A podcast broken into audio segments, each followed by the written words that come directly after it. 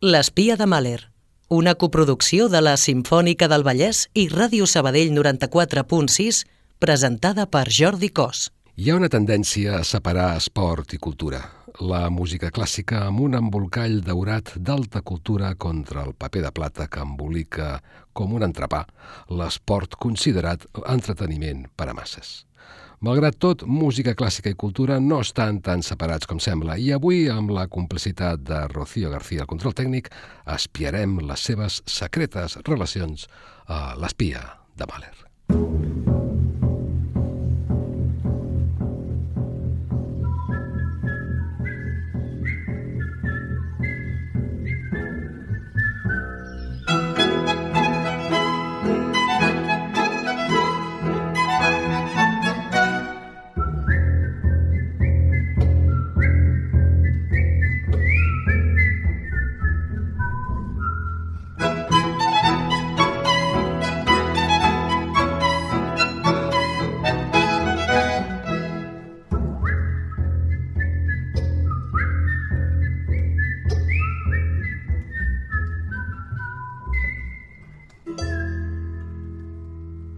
Segons Thanasis Dritzes, un assessor de l'equip olímpic grec, la música és un tònic natural que pot augmentar la força muscular i, per tant, millorar el rendiment de l'esportista. En el seu llibre Música i Medicina, Dritzes escriu que la música, sobretot la música clàssica, pot convertir-se en una tècnica que, a diferència del dopatge, no és contrària als ideals olímpics. Els seus estudis s'han realitzat amb un col·lega grec a la Brunel University de Londres, el professor Kostas Kariorgis. Aquests estudis mostren que la música pot relaxar els atletes abans d'un esdeveniment i, segons el doctor Fritzes, crear un ambient d'entrenament positiu que augmenta les seves habilitats cinètiques. A la fi, abans de cada entrenament caldria escoltar 10 a 15 minuts de música clàssica a un ritme lent, fàcil, de manera que l'exercici físic s'inicia amb un pols baix que ajuda a que la sang flueixi cap als músculs. Això és paraula del doctor Frixes. Mozart podria ser un bon exemple, aquí interpretat pel pianista Fazil Zai.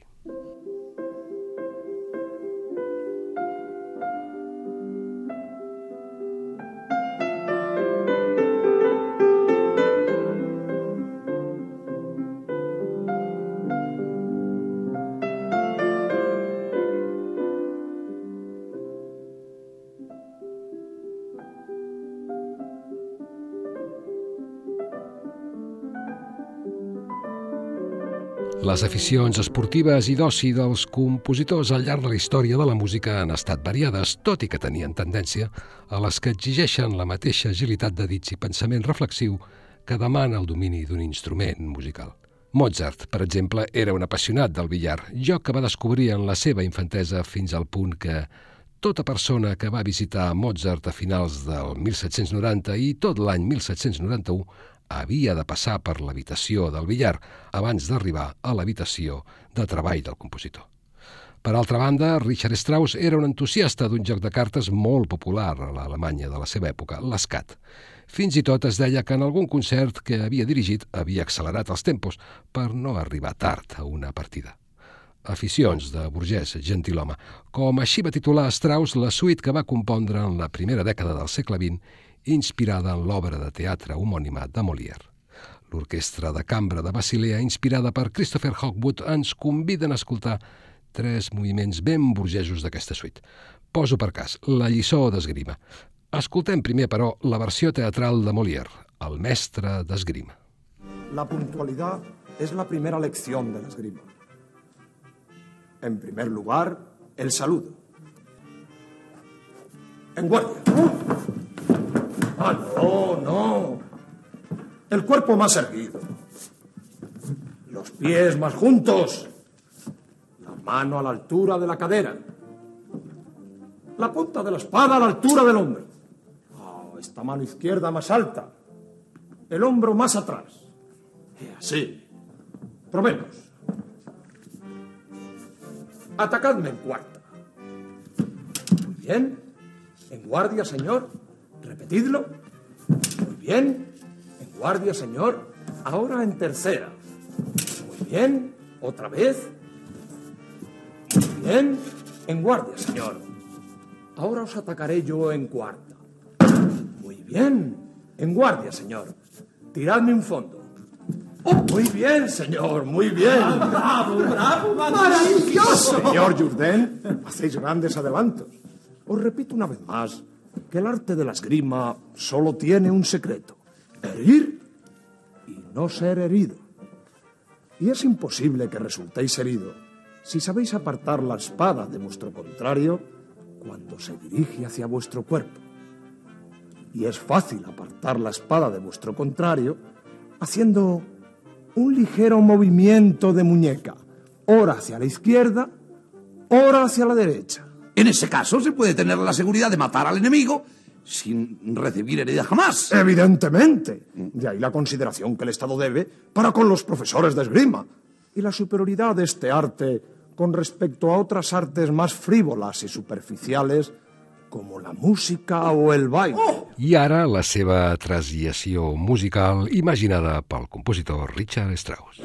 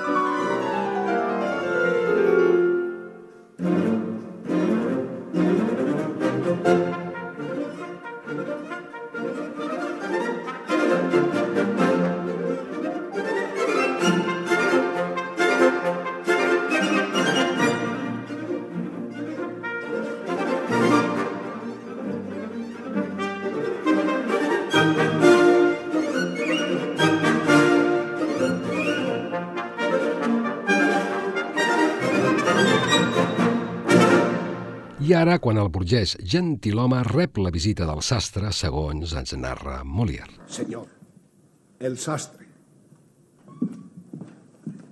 Ah, ya, ya empezaba a impacientarme. Me ha sido imposible terminar antes vuestro traje, señor. Hasta hace un momento han estado trabajando en él 20 de mis oficiales. Vedlo. Una auténtica obra maestra. Si vos lo decís, eh, mas este traje que vos lleváis es, es de la misma tela del traje que me hicisteis el mes pasado. Eh, sí, mm, veréis.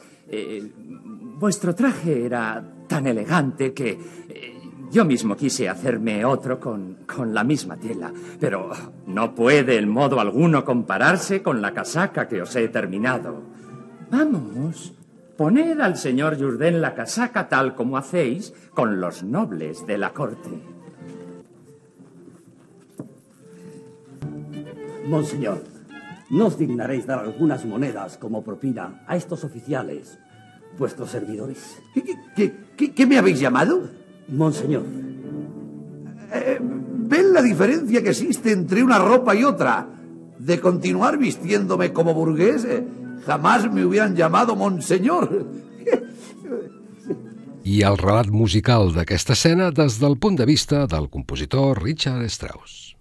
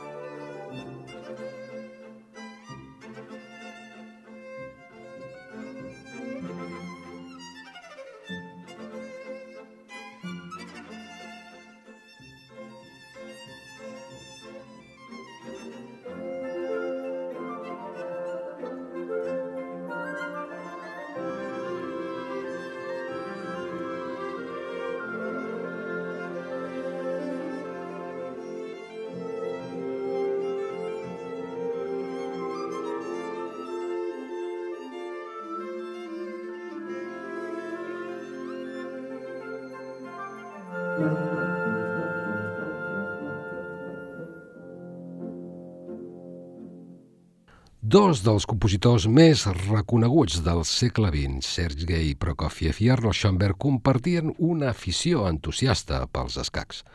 Prokofiev va poder jugar fins i tot contra dues llegendes d'aquest esport intel·lectual, Alekhine Capablanca en unes partides simultànies a Sant Petersburg el 1914 i contra l'Àscar a París el 1933. Tampoc els seus col·legues músics s'hi van lliurar. Entre els seus contrincants hi van figurar Maurice Ravel i el violinista David Oistrakh, el violinista del segle, en una partida pública celebrada el 1937 a Moscou. Els experts diuen que podem apreciar cert paral·lelisme entre l'estil de jugar als escacs de Prokofiev i les seves maneres com a compositor. El pianista rus Andrei Gravilov, per exemple, interpretà una vegada la vuitena sonata de piano de Prokofiev com obrim cometes, l'intercanvi gairebé irritant entre frivolitat burleta i agressió, tanquem cometes, d'una manera semblant a com va jugar Prokofiev contra el campió mundial d'escacs, Emmanuel Lasker. Escoltem-ne un fragment del tercer moviment interpretat per Bernd Glemser.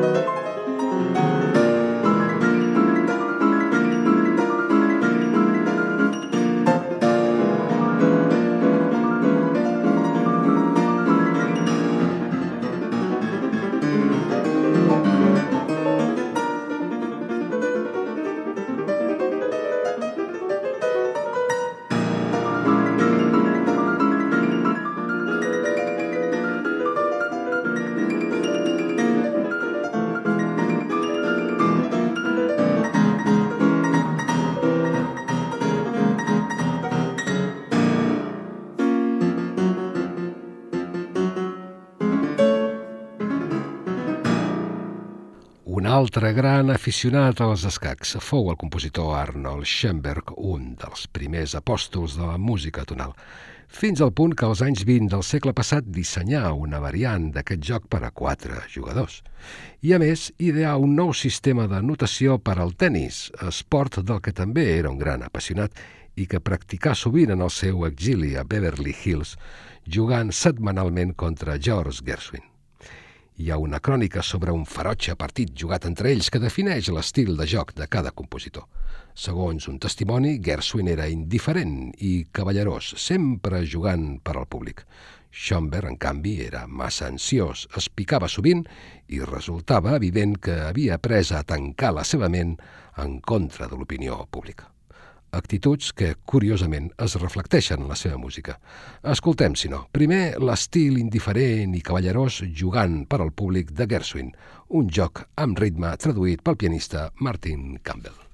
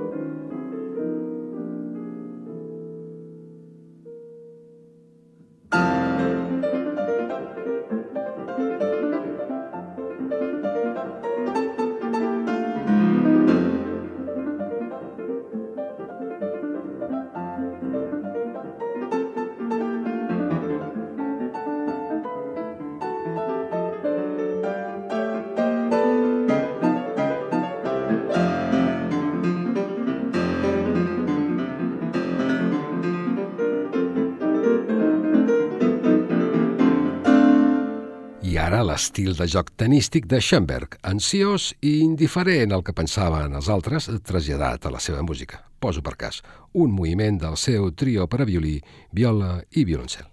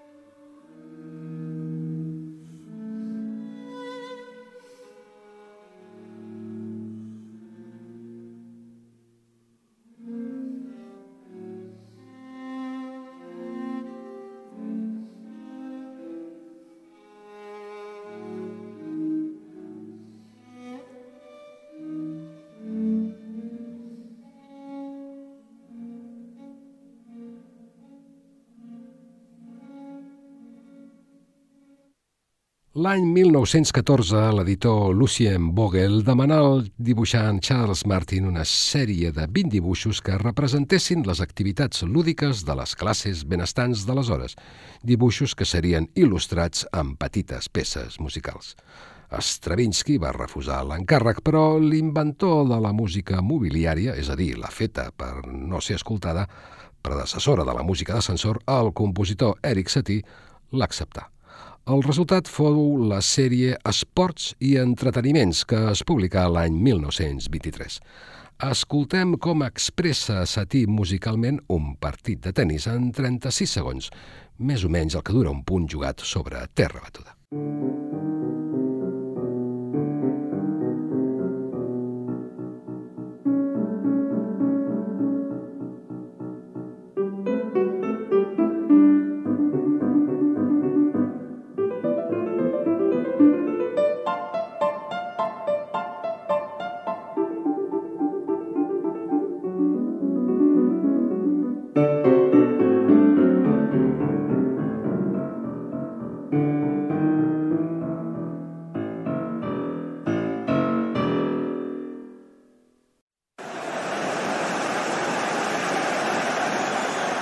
Aquesta remor és el so d'ambient de l'esport referencial del nostre temps, el futbol. El xiulet de l'àrbitre, els xiulets de la gent, els crits, els cants, aquests sons quotidians que han captivat a molts compositors del país nadiu d'aquest esport de pilota, el Regne Unit. Poso per casos, des del compositor anglès Edward Elgar, devot del Wolverhampton, fins a Michael Nyman, que ha compost l'obra After Extra Time. Fent referència al temps de pròrroga dels partits de futbol que han acabat en empat, a més de la música que va compondre pel documental dedicat al seu equip més estimat, el Queen's Park Rangers, titulat The Final Score, el resultat final.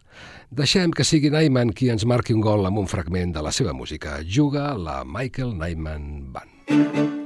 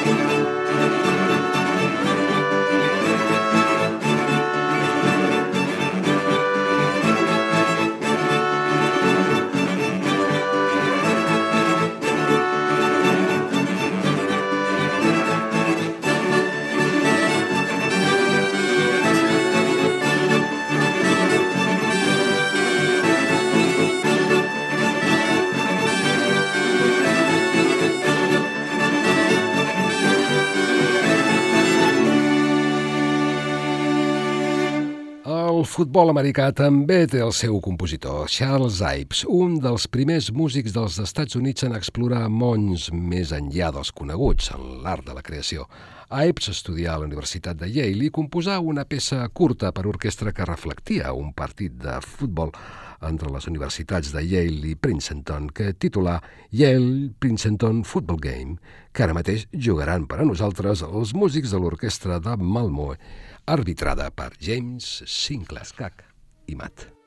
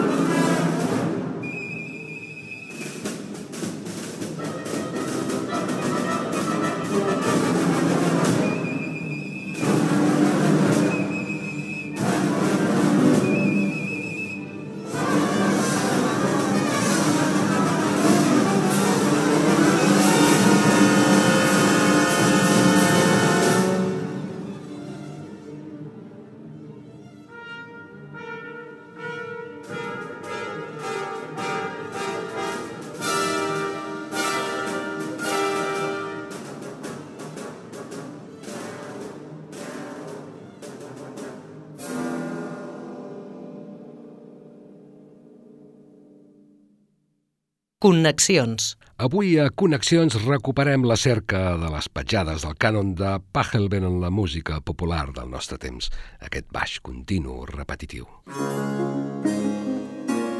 Música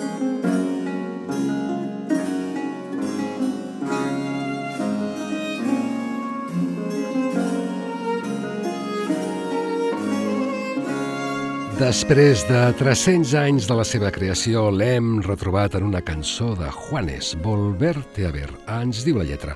Volverte a ver es todo lo que quiero hacer. Volverte a ver para poderme reponer. Porque sin ti mi vida yo no soy feliz. Porque sin ti mi vida no tiene raíz. Està parlant, clar, de Pachelbel, l'amor de la seva vida i també de la nostra. Pam, pom, tom,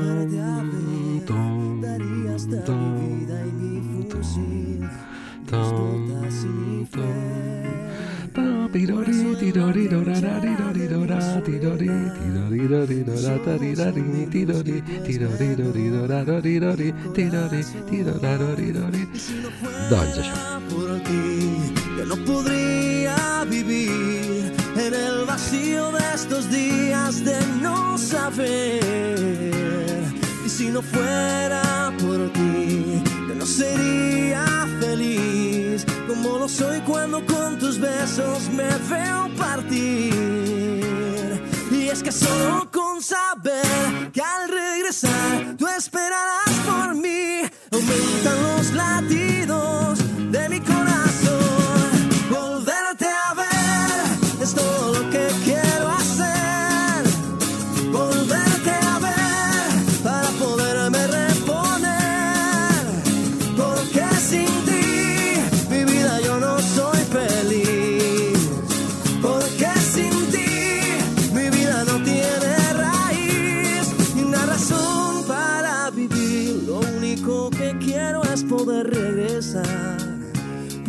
todas las balas esquivar sobrevivir. Tu amor es mi esperanza y tú mi munición, por eso regresar a ti es mi única misión. Y si no fuera por ti, yo no podría vivir en el vacío de estos días de no saber. Y si no fuera por ti,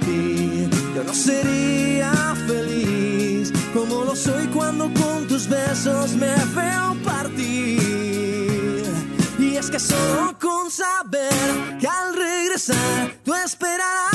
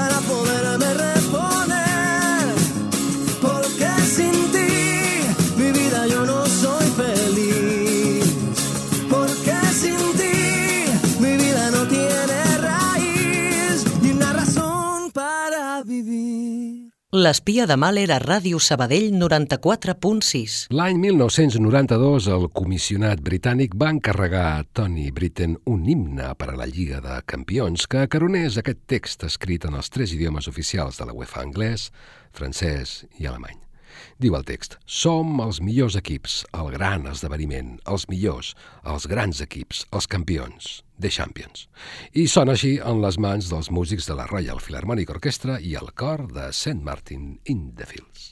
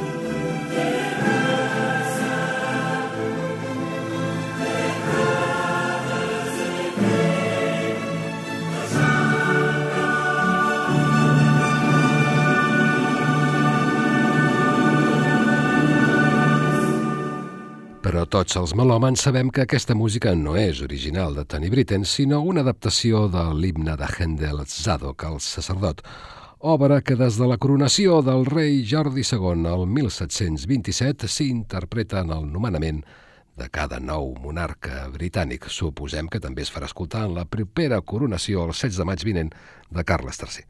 Escoltem la tonada inicial de Zadok, el sacerdot, en la versió que ens fa l'orquestra de English Concert, conduïda per Trevor Pinnock, l'himne de la Champions, compost per un campió, Handel.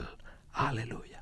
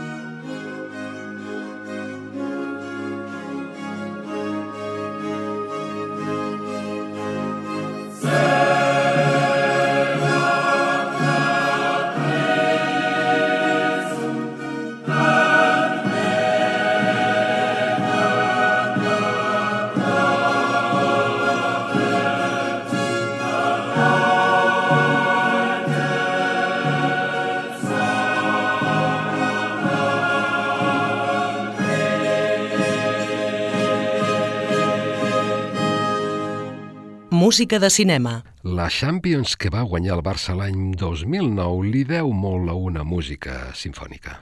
Aquesta.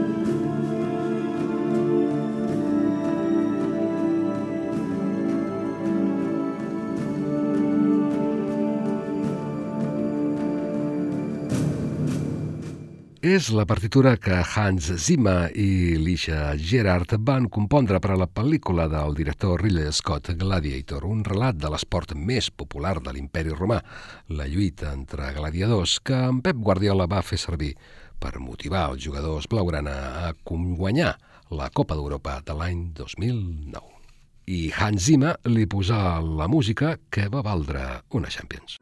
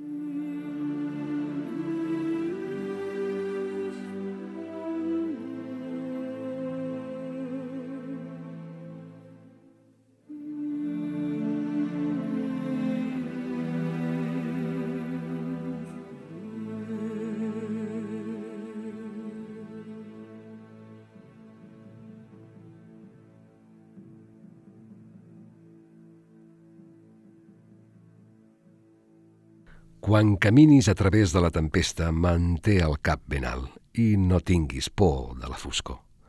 Al final de la tempesta trobaràs la llum del sol i la dolça i platejada cançó d'una losa. Segueix a través del vent, segueix a través de la pluja, encara que els teus somnis es trenquin en mil bocins. Camina, camina, amb esperança en el teu cor. Mai no caminaràs sol. Mai no caminaràs sol. Aquesta és la lletra de la cançó Mai no caminaràs sol, composta per un dels duets més fructífers del teatre musical, Richard Rogers i Oscar Hammerstein, per l'obra Carrusel, de l'any 1945.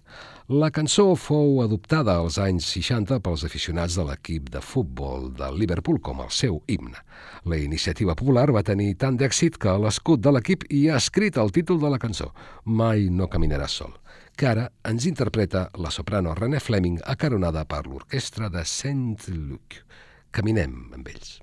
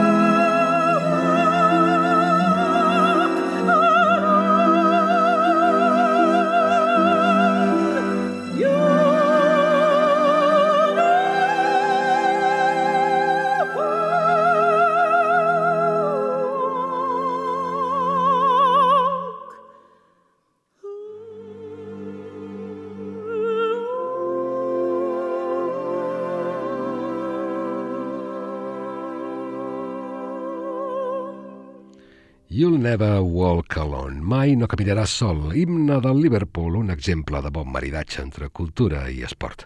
Ara, si us voleu posar medalles, no hi ha música millor que aquesta.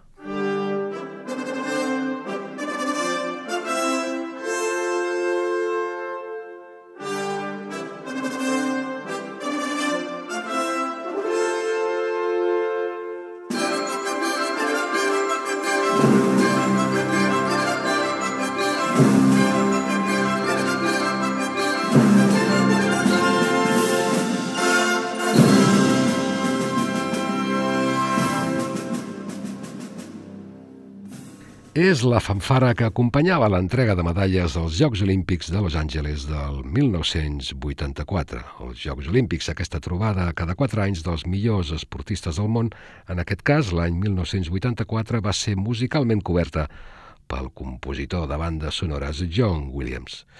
Arribem al final del programa d'avui convocant els herois, que aquest és el títol de l'obra que el mateix John Williams va compondre el 1996 per celebrar el centenari dels Jocs Olímpics moderns. Gràcies pel vostre temps i